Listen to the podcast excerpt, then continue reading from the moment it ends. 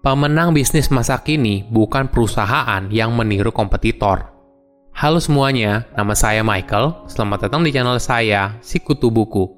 Kali ini saya akan bahas buku Play Bigger karya Al Ramadan. Sebelum kita mulai, buat kalian yang mau support channel ini agar terus berkarya, caranya gampang banget. Kalian cukup klik subscribe dan nyalakan loncengnya.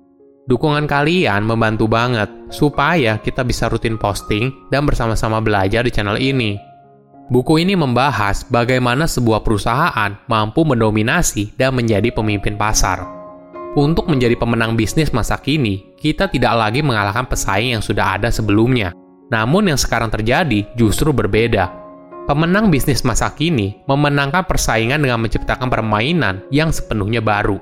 Menciptakan kategori pasar baru, mengembangkannya, hingga akhirnya mampu mendominasi. Inilah mindset yang harus dimiliki oleh pendiri perusahaan masa kini kamu tidak bisa membangun perusahaan legenda hanya menciptakan produk yang hebat, tapi kamu harus membangun kategori pasar yang melegenda. Saya merangkumnya menjadi tiga hal penting dari buku ini. Pertama, kunci sukses perusahaan yang hebat. Ketika sebuah perusahaan dapat mendominasi pasar yang kompetitif, ada salah satu konsep penting yaitu kategori desain. Jadi, kategori desain adalah tentang menciptakan ekosistem baru untuk sebuah inovasi. Perusahaan atau organisasi ini merubah cara pandang kita tentang sesuatu dengan perspektif yang sama sekali baru. Menariknya, perspektif yang mereka perkenalkan membuat bisnis yang sudah ada sebelumnya menjadi tidak efisien, mahal, dan ketinggalan zaman. Perlu kamu sadari, sebuah produk atau perusahaan ibaratnya berada di dalam sebuah kontainer yang ada di pikiran konsumen. Dan kontainer itu dinamakan kategori, ini adalah cara konsumen memberikan label terhadap sebuah perusahaan atau produk sehingga memudahkan mereka dalam memahaminya. Seorang pengusaha atau inovator yang sukses adalah orang yang melihat ada yang kurang dari dunia saat ini dan berusaha untuk melengkapinya. Mereka mampu mengidentifikasikan masalah yang baru atau masalah lama yang bisa diselesaikan dengan cara yang baru. Inilah cara mereka untuk meyakinkan konsumen. Pada dasarnya, konsumen perlu tertarik dulu pada sebuah kategori baru sebelum akhirnya membeli produk tersebut. Contohnya begini, kamu perlu menyadari betapa pentingnya sistem ojek online dulu, baru kemudian kamu bisa memilih antara Gojek atau Grab. Inilah yang kemudian buat produk atau perusahaan tersebut diterima dan menjadi primadona. Ada perspektif yang cukup menarik. Ternyata ada perbedaan mendasar antara menjadi berbeda atau menjadi lebih baik. Ketika kamu berusaha untuk jadi lebih baik, berarti kamu akan masuk ke dalam teritori orang lain yang sudah ada. Di sana, kamu akan selalu bertarung dan membuktikan kalau perusahaan atau produk kamu lebih baik daripada orang lain. Menariknya, ketika ada dua orang yang bilang kalau mereka yang terbaik atau nomor satu, pasti salah satu dari mereka berbohong. Ada perspektif yang lain. Daripada kamu berusaha menjadi lebih baik, bagaimana kalau kamu berusaha untuk menjadi berbeda? Perspektif ini artinya kamu tidak sibuk menaiki tangga orang lain, karena kamu menciptakan tanggamu sendiri. Contohnya begini, Uber tidak hanya bisnis taksi yang lebih baik, tapi mereka menciptakan model bisnis yang berbeda karena mereka memberikan solusi yang baru dari permasalahan yang ada. Uber membuat kita sadar kalau ada masalah dalam sistem taksi yang ada di Amerika, yaitu pengalaman yang tidak menyenangkan dalam memesan taksi. Ini merupakan masalah yang nyata, tapi tidak semua orang menyadarinya atau bahkan berusaha memecahkannya. Kemudian, Uber datang dan memberikan masalah itu solusi yang baru. Kedua, membuat kategori produk yang sukses. Dalam hidup atau bisnis, memang lebih mudah mengikuti jalan yang sudah dilewati orang lain sebelumnya. Namun, apabila kamu ingin menjadi perusahaan yang hebat, kamu perlu menciptakan jalanmu sendiri, yaitu dengan membuat kategori produk yang berbeda. Ada beberapa keuntungan menjadi orang yang berbeda.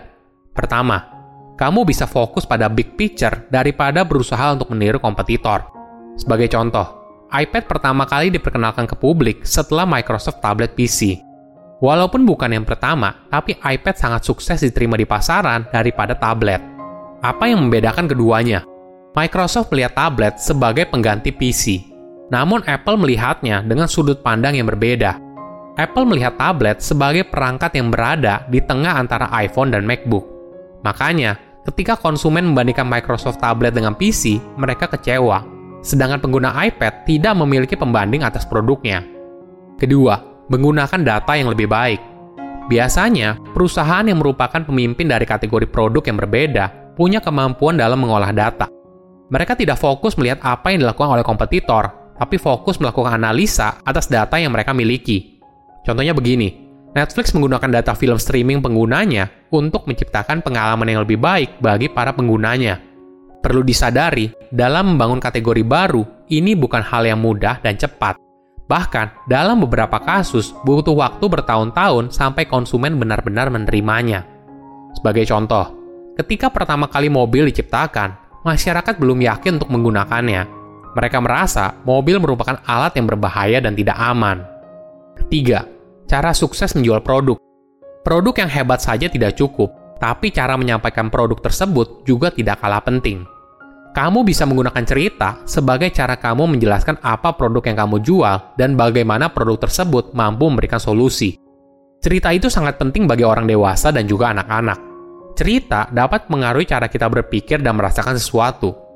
Sebuah studi oleh peneliti dari Stanford University pada tahun 1969 menemukan bahwa mahasiswa di sana mampu mengingat 6 hingga 7 kali jumlah kata apabila disisipkan dalam sebuah cerita.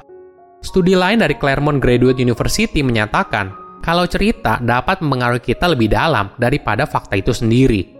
Hal ini disebabkan ketika kita mendengar sebuah cerita, maka akan meningkatkan hormon oksitoksin di dalam otak, sehingga membuat kita merasa empati kepada orang lain.